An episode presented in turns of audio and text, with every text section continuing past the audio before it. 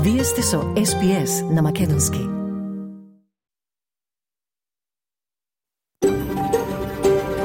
SBS, a world of difference.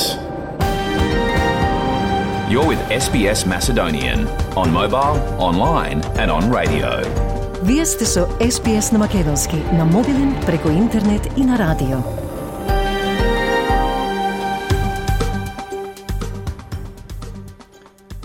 СБС им оддава признание на традиционалните собственици на земјата, од која денеска имитуваме програмата на македонски јазик.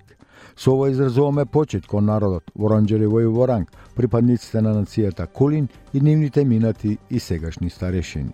Признание исто така им оддаваме на традиционалните собственици на сите земји на абориджините и народите од Торос Стрейт островите, од чија земја ја слушате нашата програма.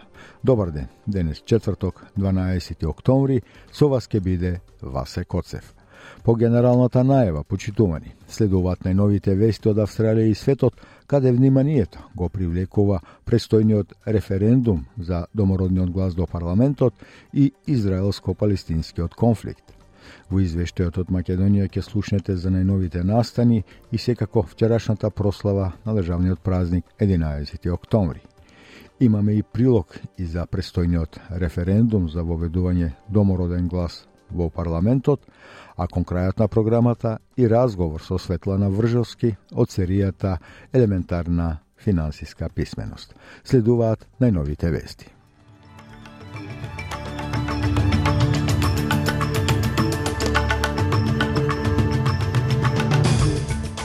Од денешниот билтен вести издвојуваме. Сојузната влада ќе одржи состанок за да одговори на локалните последици од конфликтот на Блискиот Исток – Министерот за внатрешни работи вели дека ослободувањето на австралиската новинарка Чунглеј е сончев момент во врачно време за светот. И од Македонија прославата на 11 октомври.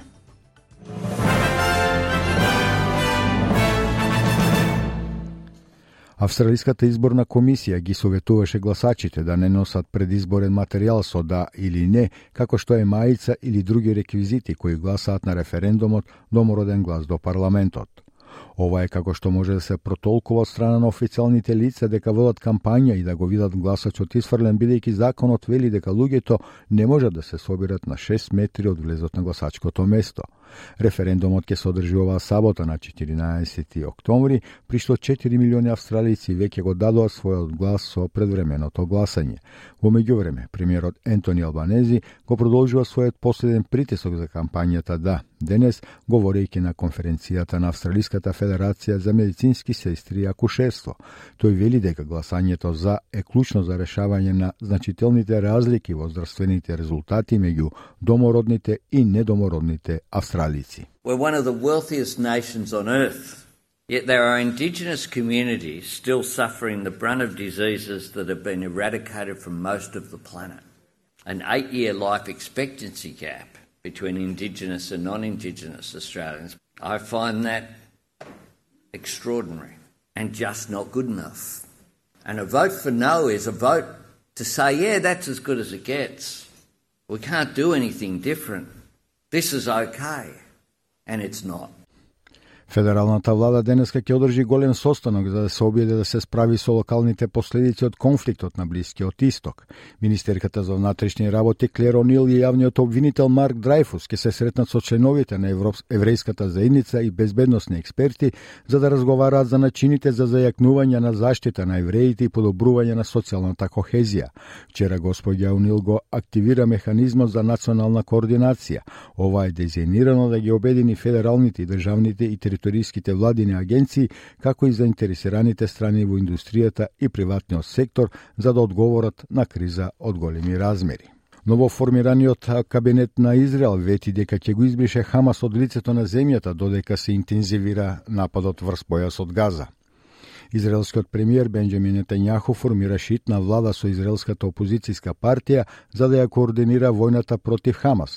Ова уследи по ненадејниот напад на милитантите на Хамас во текот на викендот, во кој борци извршија раци во израелски градови и убија најмалку 1200 луѓе во Израел, според израелската војска. Како одговор, Израел им забране на жителите на Газа пристап до храна, вода, гориво и електрична енергија и го бомбардираше регионот со најтешките воздушни напади во историјата на израелско-палестинскиот конфликт, при што според Министерството за здравство на Газа загинаа најмалку 1100 луѓе. Израелскиот министер за одбрана Јоав Галант изјави дека војската се подготвува за копнена офанзива во Газа и сега ветува дека целосно ќе го елиминира Хамас. And I am saying here to everyone, we will wipe this thing called Hamas, ISIS Gaza, off the face of the earth. It will cease to exist. Обединетите нации пак го повикуваат Израел да се придржува до хуманитарните стандарди, бидејќи шефот на Обединетите нации за човекови права Волкер Турк тврди дека целосната блокада на основните ресурси во Газа е нелегална според меѓународното право. Палестинската црвена полумесечина ја обвини израелската војска дека ги гаѓа нивните медицински тимови и ги попречува напорите за спасување цивилни животи во Израел според израелската војска. Израел им забрани на жителите на Газа пристап до храна, вода, гориво и струја и го бомбардираше регионот со најтешки воздушни напади во историјата на израелско-палестинскиот конфликт, при што според Министерството за здравство на Газа загина најмалку 1100 луѓе. 11 работници на Палестинската агенција за бегалци на Обединетите нации и пет членови на Меѓународната федерација на Црвениот крст и Црвената полумесечина загинаа. Мерван Джилани е генерален директор на Палестинската црвена полумесечина. Тој изјави за Алджезира дека верува оти на водното таргетирање на неговите тимови е кршење на меѓународното право. We face intimidation, our teams are beaten up, the guns are pointed to the faces of our medical teams at checkpoints, and this is quite tragic. And these are considered war crimes to target medical teams, yes. to target civilians, and to leave them under the rubble and to leave the injured without any possibility of access to them. Министерката за надворешни работи Пени Вонг рече дека австралиската влада ќе продолжи да се залага за мир и решение за двете држави за Израел и палестинските територии и покрај последните напади. Визините коментари доаѓаат по ненадениот напад врз Израел од страна на милитантите на Хамас во текот на викендот, во кој загина најмалку 1200 луѓе во Израел според израелската војска.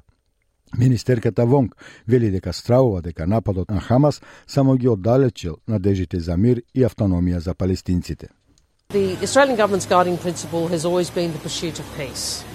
Uh, the pursuit of peace and a just and enduring peace, uh, a two state solution which enables both the Palestinian peoples and the Jewish peoples uh, to live within uh, safe, internationally recognised borders.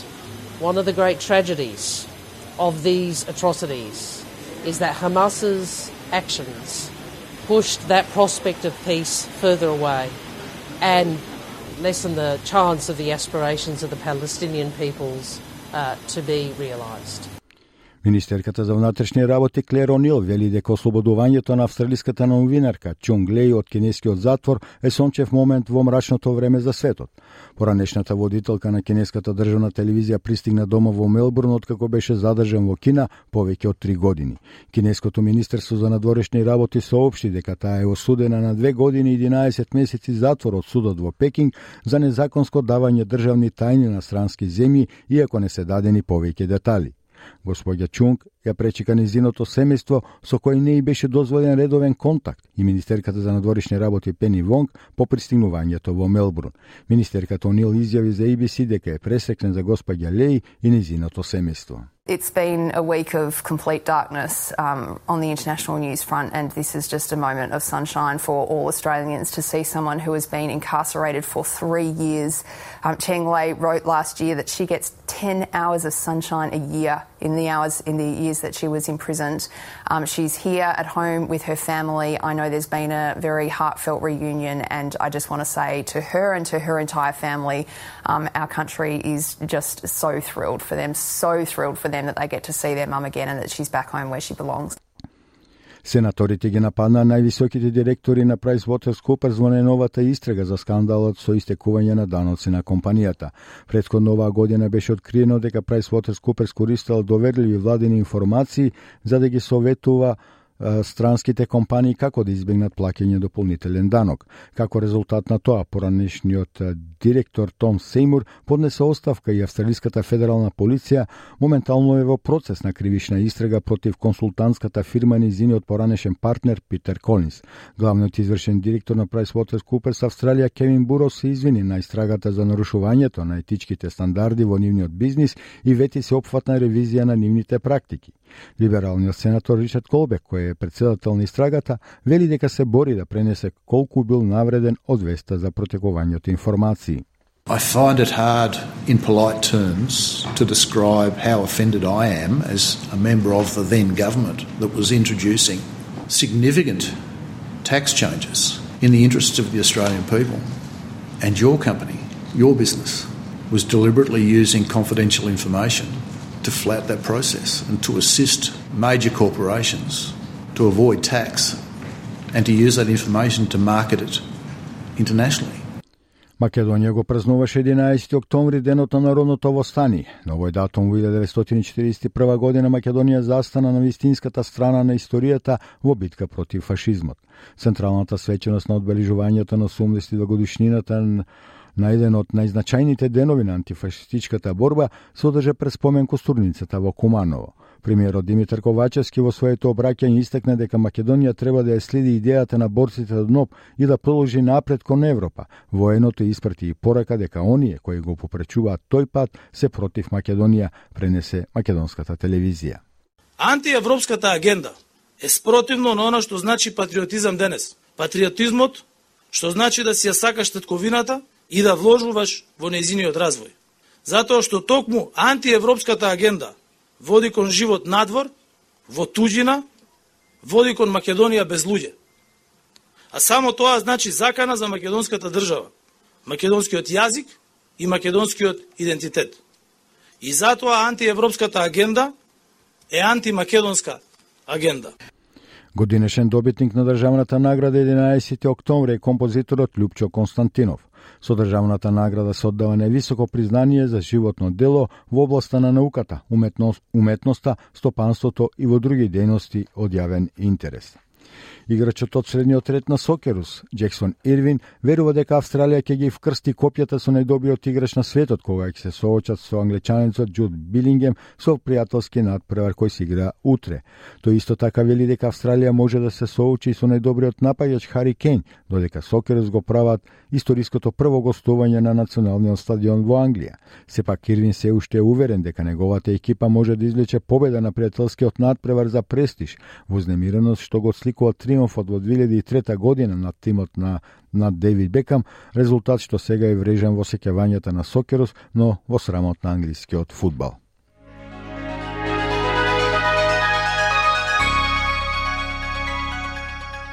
Од најновата курсна листа денеска за 12 октомври еден австралиски долар се менува за 0,60 евра, 0,64 американски долари, 37,2 македонски денари, додека еден американски долар се менува за 57,71 македонски денар, а 1 евро за 61,10 македонски денари и временската прогноза за поголемите градови во Австралија за утре петок.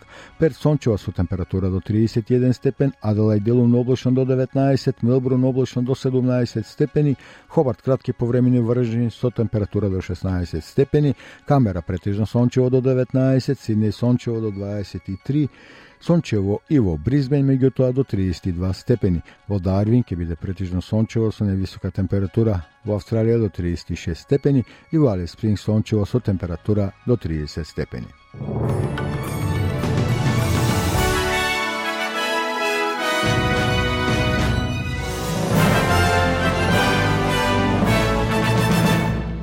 На програмата на македонски јазик на СБС радио ги слушавте најновите вести, а денешните вести можете да ги најдете подоцна во текот на денот на нашата Facebook страница SBS Macedonian или на веб страницата sbs.com.eu косацрта Macedonian. Тамо секако ќе ги најдете и нашите други содржини.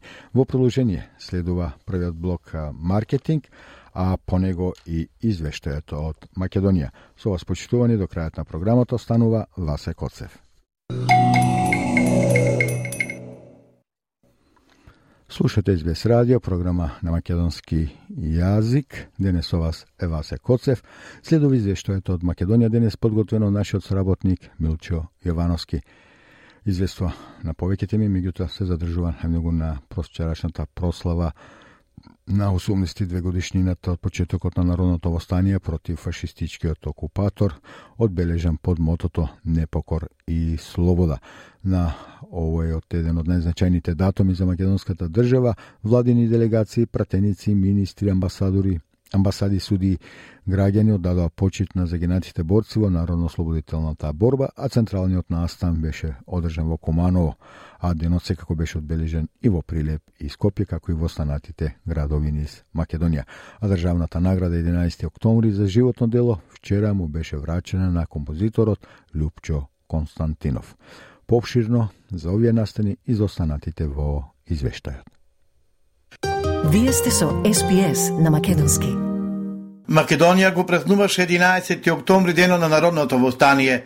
Новој датум во 1941-та Македонија застана на вистинската страна на историјата во битка против фашизмот.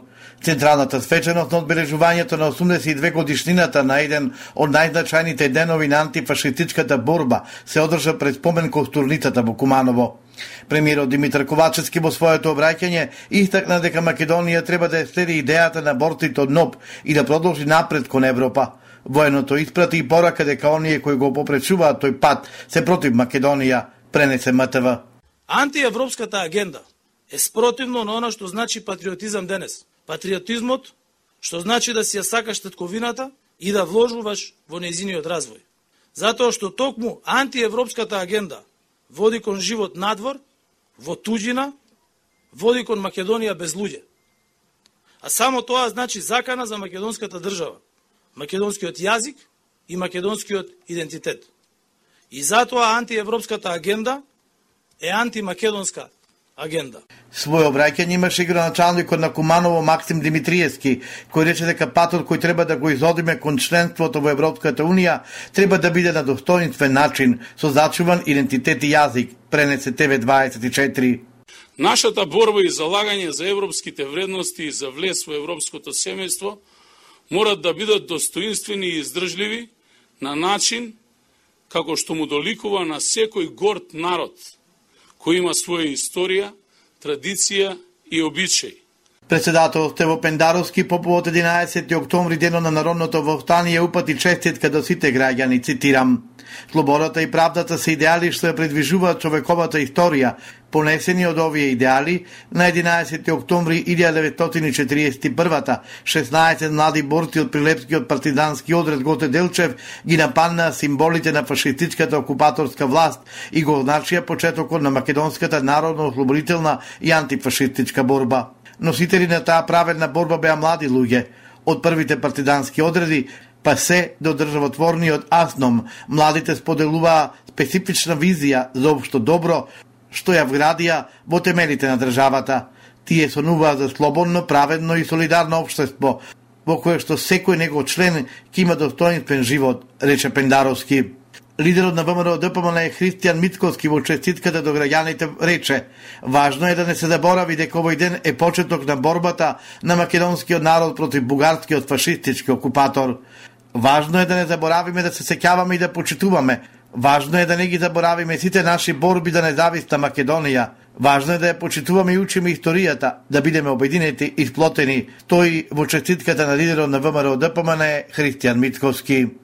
Годинашен добитник на државната награда 11 октомври е композиторот Љупчо Константинов – Со државната награда се оддава највисоко признание за животно дело во облата на науката, уметноста, стопанството и во други дејности од јавен интерес.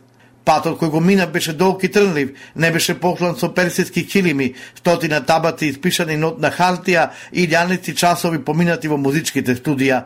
Вака композиторот Љупчо Константинов го примена и високото признание за животно дело на градата 11 октомври. Во изминатите 50 години тој се подпишува на повеќе од 35 наслови на филмска музика, меѓу нив и култните Срекна нова 49-та и Тетовирање. Работниот бег го поминува како уредник и новинар во македонската радио и телевизија. Автор е на музика за бројни играни, документални анимирани филмови, ТВ филмови, серии и драми, како и за над 60 театарски представи. Во собранието пред присутните и медиумите Константинов рече Музиката со нашите животи е поврзана на различни начини, директно или преку останатите уметности. Таа е органски поврзана со театарската уметност, филмот и електронските медиуми.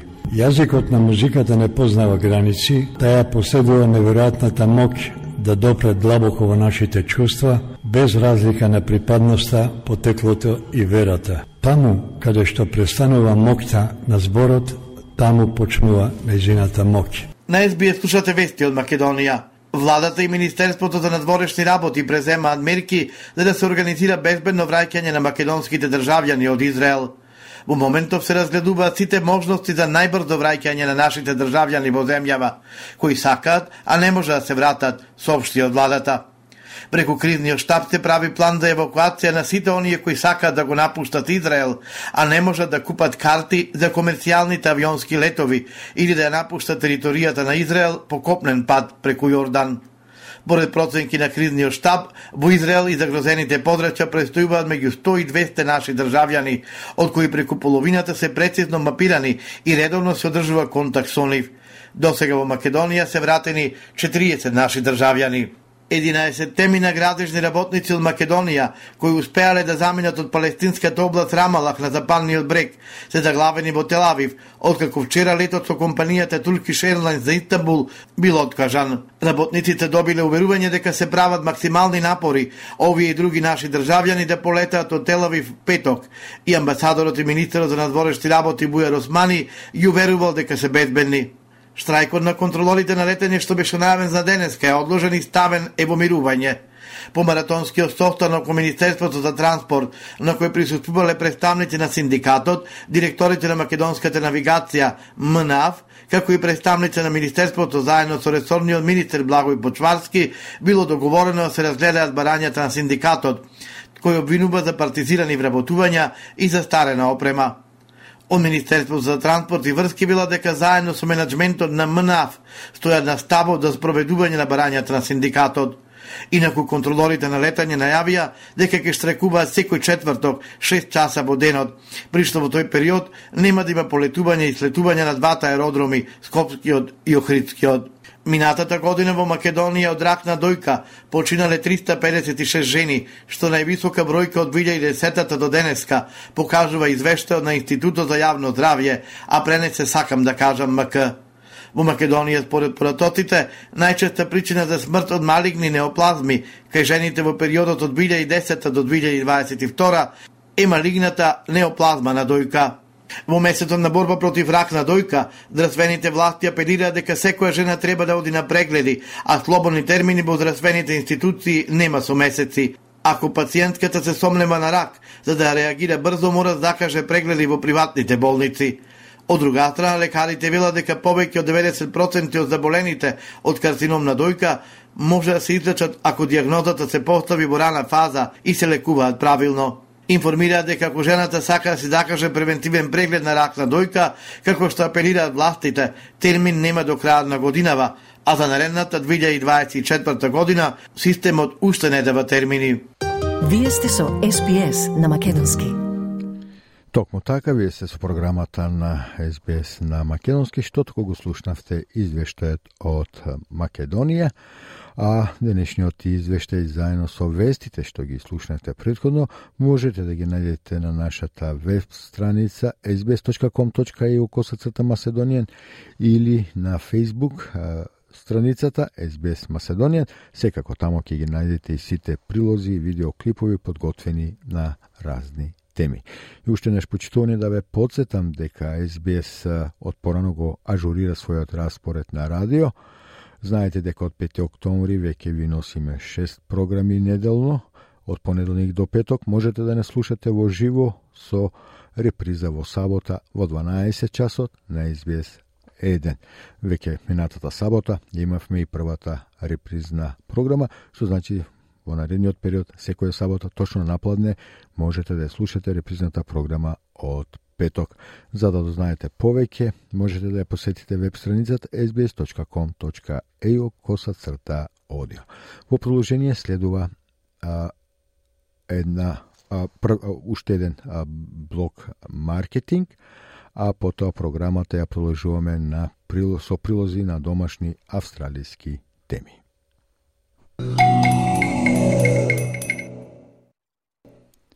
Програмата на македонски јазик на СБС радио ја продолжуваме со прилози од домашни австралијски теми.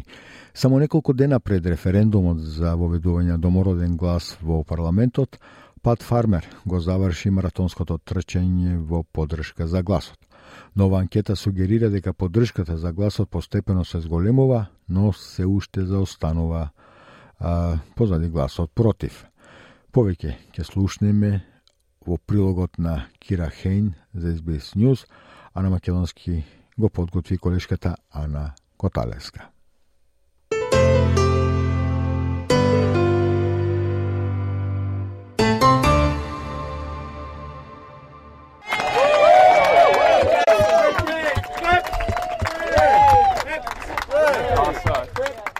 По шест месеци маратонецот и поранешен пратеник од редовите на либералите Пат Фармер го заврши маратонското трчање 14.000 километри во должина, за да ја покаже својата поддршка за домородниот глас во парламентот.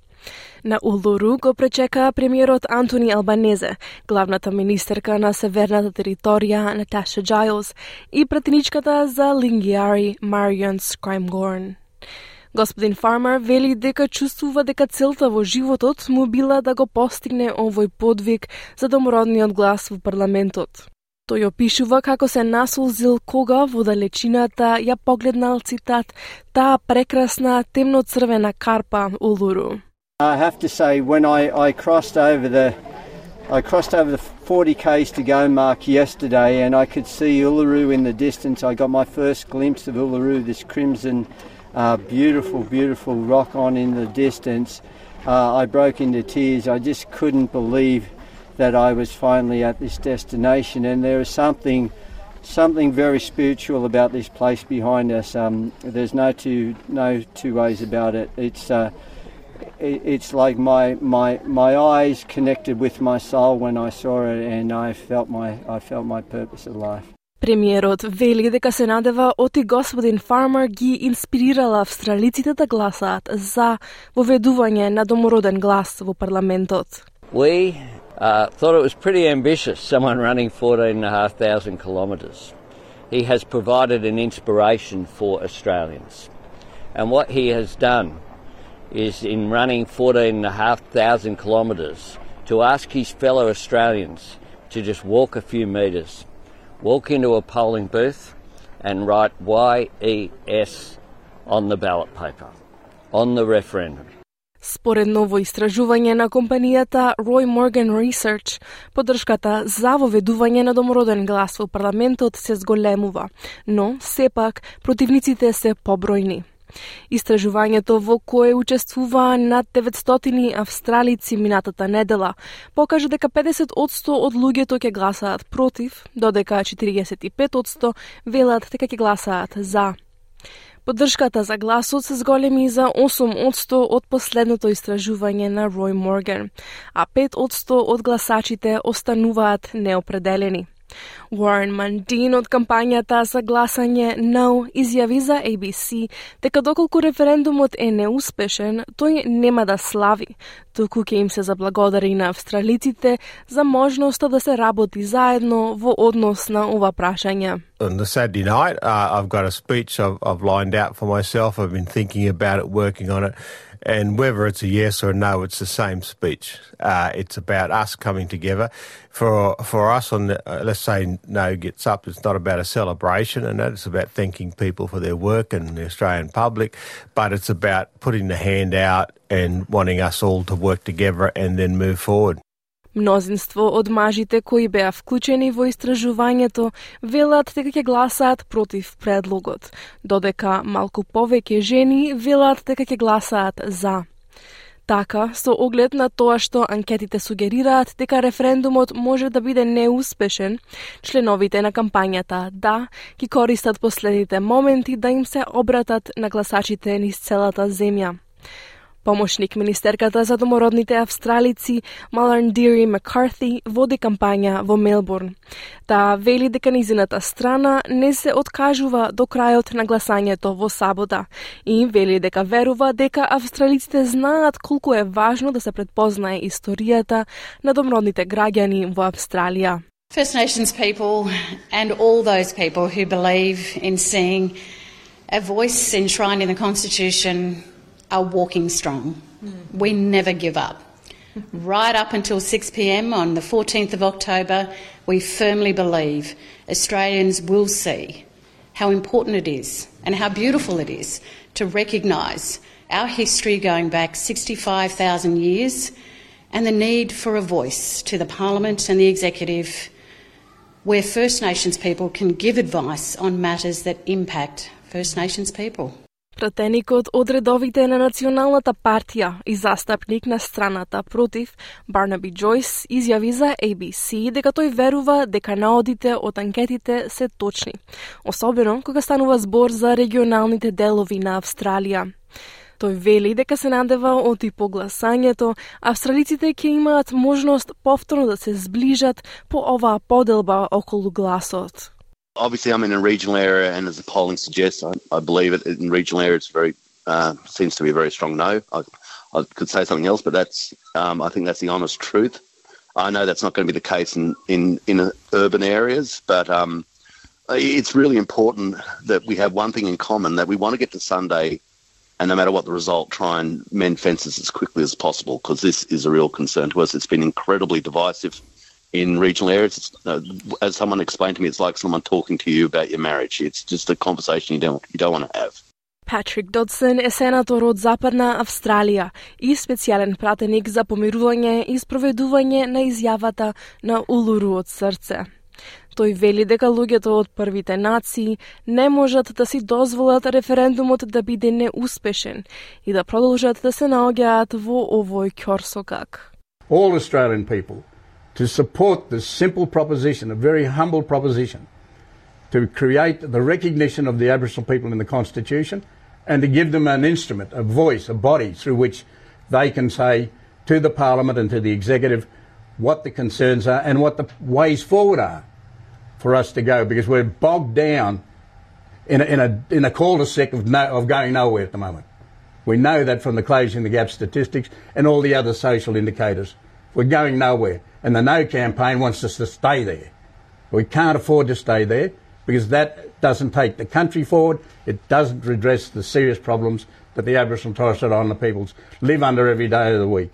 И покрај тоа што представници од кампањата за инсистираат дека се уште има време неопределените гласачи да се премислат, се чини дека оние од кампањата против вниманието го осврнаа на ситуацијата по референдумот. Сенаторката Джастинта Нампи Джинпа Прайс, која се залага против домородниот глас, изјави за Канал 9 дека ќе се чувствува олеснето по крајот на референдумот. Таа вели дека по референдумот ќе работи кон зближување на австралиците кои биле поделени поради ова прашање. Uh, depending on what the result is, I guess there's still a lot of work to be done going forward. Um, there's a lot of work in terms of trying to pull us together again uh, because this referendum, the whole exercise has been so incredibly uh, divisive. And I'm just, you know, it concerns me sometimes what's going on on some of the booths. But I'm hearing that, you know, those that have been volunteering for the no vote have been, you know, have been getting treated really terribly.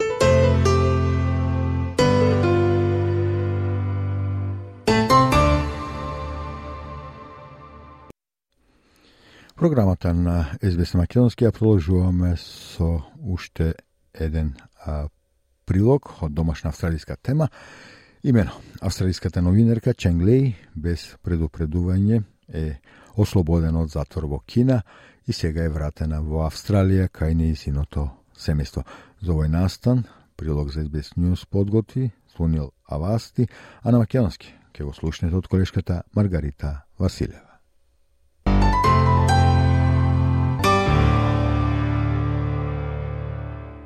Чунг Лей беше едно од најпознатите австралиски новинари во светот, која емитуваше на милиони луѓе како водител на државната кинеска глобална телевизиска мрежа. Еден ден во август 2020 година, таа слава се претвори во особено суров срам.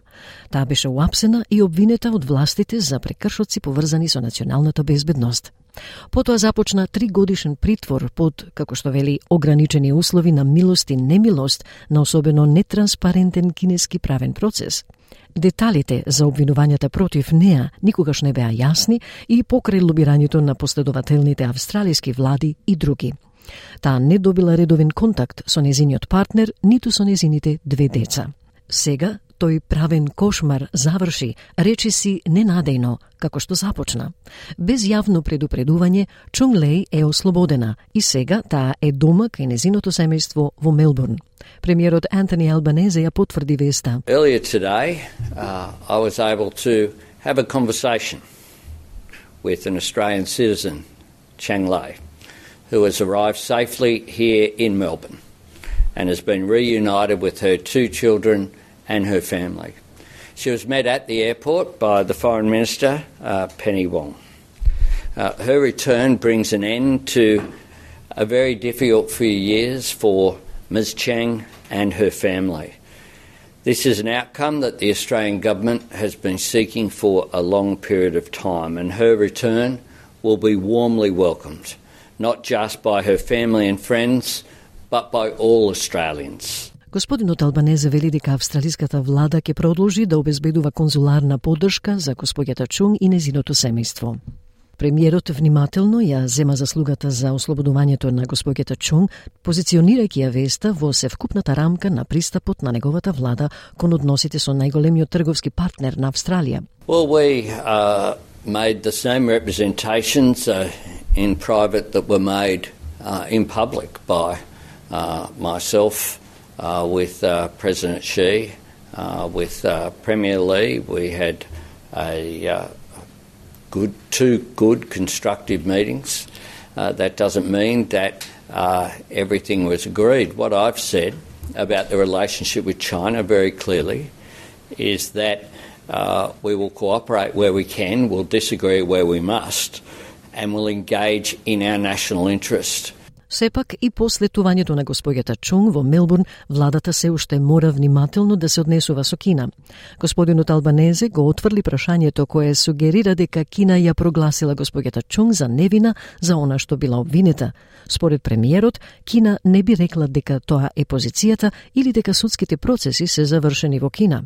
Uh, no, their legal China would not uh, say that that's the position.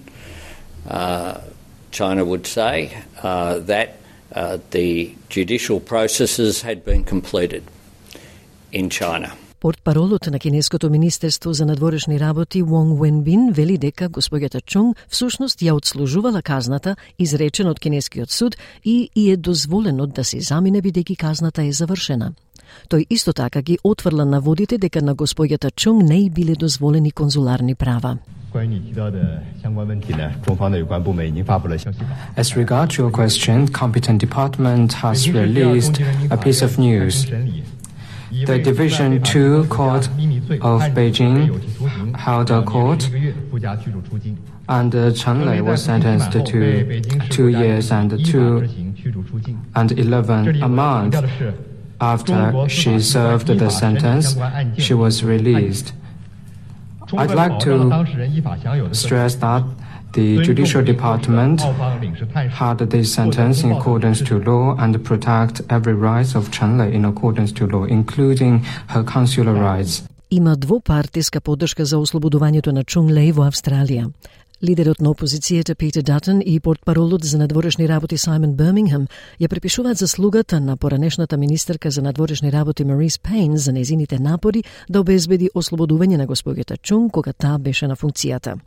Тие исто така ги повикуваат луѓето да не заборават и на доктор Јанг Хенджун, австралиски академик и блогер кој се уште е во притвор во Кина. Ете, тоа беше прилогот за враќањето на австралиската новинарка Ченглей во Австралија. Сега е вратена во Австралија и се наоѓа со незиното семејство. Незиното враќање беше а, вчера. Прилогот го слушнавте од колешката Маргарита Василева. Со вас денес почитувани е Васе Коцев. Следува уште еден блок маркетинг, а по него ќе имате можност да слушнете разговор со Светлана Вржовски. Тоа е серија разговор од нашата серија за елементарна финансиска писменост. Меѓутоа, пред да го слушнете тој прилог, уште еден блок маркетинг и секако посетете ја нашата Facebook страница SBS Macedonian или нашата веб страница sbs.com.eu коса црта Macedonian. Тамо ќе ги најдете сите интервјуа, прилози и видеоклипови на теми од македонската култура, наследство, спорт, музика, политика, се она што го интересира македонската заедница. Блок маркетинг, а потоа и разговорот со Светлана Вржовски.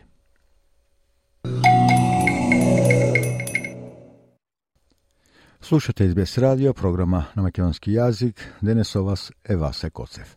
Следува уште еден разговор од нашата серија разговори за елементарната финансиска писменост. За многу австралици пензиското осигурување е нивниот најголем или второ поголемина имот доколку поседуваат куќа, иако е тешко да се размислува за ранливоста на животот и смртта. Од многу големо значење да размислат кој сака да ги наследи нивните пари од фондот. Според Association of Superannuation Funds of Australia, просечниот австралиец има 140, 147.425 долари во фондот за пензијско осигурување. Да слушнеме повеќе нова тема од Светлана Вржовски, основач и директор на Strategic Prosperity Group од Перт. Со господја Вржовски разговара колешката Радица Бојковска Димитровска. Светлана Вржовски, благодарам што одвоивте време и за овој разговор во нашата серија за елементарна финансиска писменост на СБС на Македонски. Добар ден, ради се ние се не во секое време спремни да зборуваме. Одлично. Денеска зборуваме за тоа што се случува со парите од пензискиот фонд на едно лице кога тоа ќе ќе почине, ќе нема можност да ги користи тие пари. Да. Пред се, да. може ли да ни кажете, Светлана, дали парите во пензискиот фонд се сметаат како дел од тестаментот на едно лице и дали автоматски стануваат дел од неговиот имот? Баш убаво прашање даде, фала, Радица. Кога некој ќе умре, неговата волја автоматски не диктира према тестаментот. Mm -hmm. Се баш е скроз. Значи не е дел од тестаментот, тој пензиски фонд. 100% не е дел од, а, од тестаментот. Така, па кој ги добива парите од пензискиот фонд mm -hmm. кога тоа лице ќе почине? Да, so, uh, секој фонд во Австралија за superannuation mm -hmm. треба да избере beneficiary. Mm -hmm. Кој ќе ги користи то... парите, така? Да, тој што е номиниран mm -hmm. да, да биде корисник и uh, по законски има само uh, три лица што можеш да избереш. Уствари има и четврти.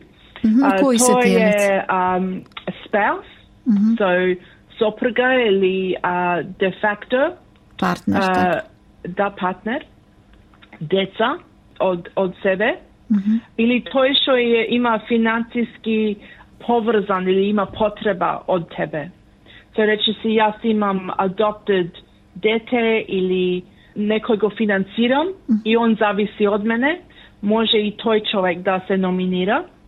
А исто тоа можеш да номинираш а, тестаментот. So, само еден начин има да отидат парите до преку тестаментот ако е напишан а, номиниран корисник. Така, значи да и во тестаментот може да се каже кој сакате да, да го да го наследи да. вашиот пензиски фонд да. во случај да починете, да. Да.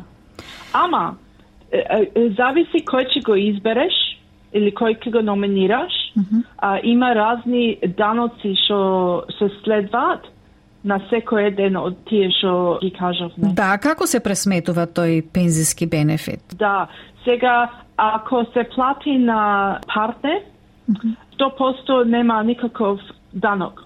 А ако имаш adult дете, тога има taxation ако иде директно до детето.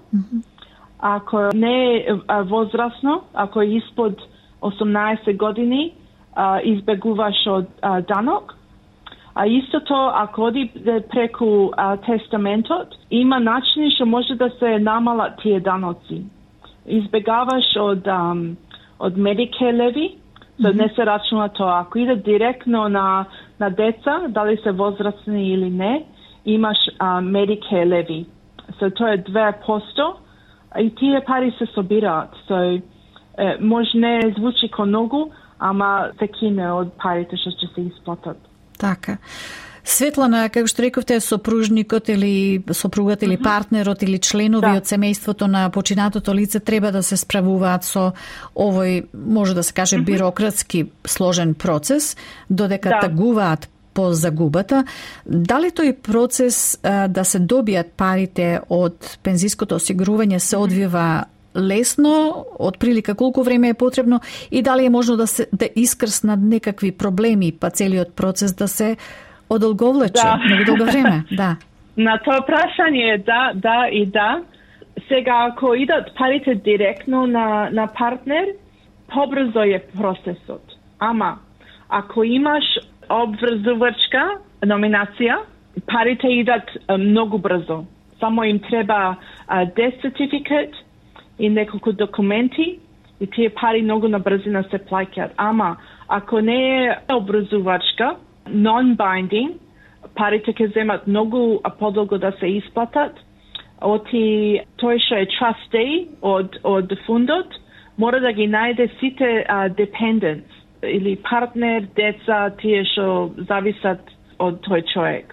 So, зависи што е ситуацијата и uh, кој го имаш номинирано и како го имаш номинирано е најважно.